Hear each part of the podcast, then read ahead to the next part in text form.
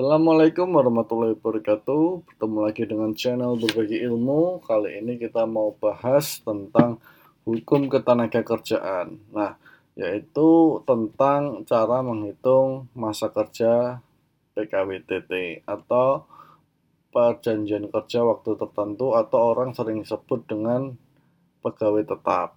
Nah, perhitungan masa kerja ini penting. Kenapa? Karena berpengaruh pada perhitungan hak hak pekerja itu pasca dia aktif bekerja atau pasca kerja. Contoh hak untuk menghitung hak pensiun, untuk menghitung hak ketika katakanlah dia di PHK atau ketika dia di PHK karena sakit dan lain sebagainya. Nah, itu semua membutuhkan atau komponennya membutuhkan masa kerja.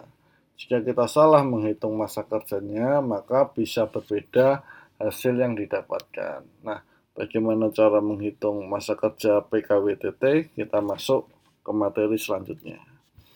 Berbicara tentang PKWTT, tentu kita tidak bisa memisahkannya dengan aturan ketenaga kerjaan, di mana itu diatur di Undang-Undang 13 tahun 2003. Nah, di pasal 60 pada ayat 1 disampaikan atau tertulis bahwa perjanjian kerja untuk waktu tidak tertentu dapat mensyaratkan masa percobaan paling lama tiga bulan. Sedangkan di ayat 2-nya tertulis, dalam masa percobaan kerja sebagaimana dimaksud dalam ayat 1, pengusaha dilarang membayar upah di bawah upah minimum yang berlaku. Nah, di sini yang kita mau ambil adalah pasal 60 ayat 1 saja. Kalau dari pasal 60 tersebut kita bisa menyimpulkan atau mendapatkan gambaran bahwa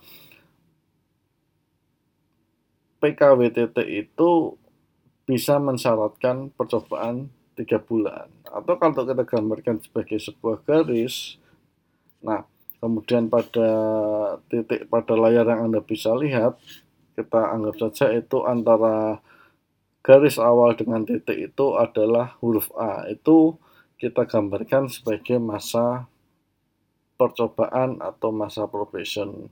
Sedangkan setelah titik sampai dengan uh, akhir dari garis itu kita sebut dengan huruf B atau pegawai tetap. Nah, di mana kita menghitung masa kerja PKWTT ini? Apakah dimulai dari ujung awal probation atau ujung awal pegawai tetap? Nah, untuk menghitung ini jawabannya adalah di masa kerja dimulainya dari selesainya masa probation atau dimulai dari titik awal pegawai tetap.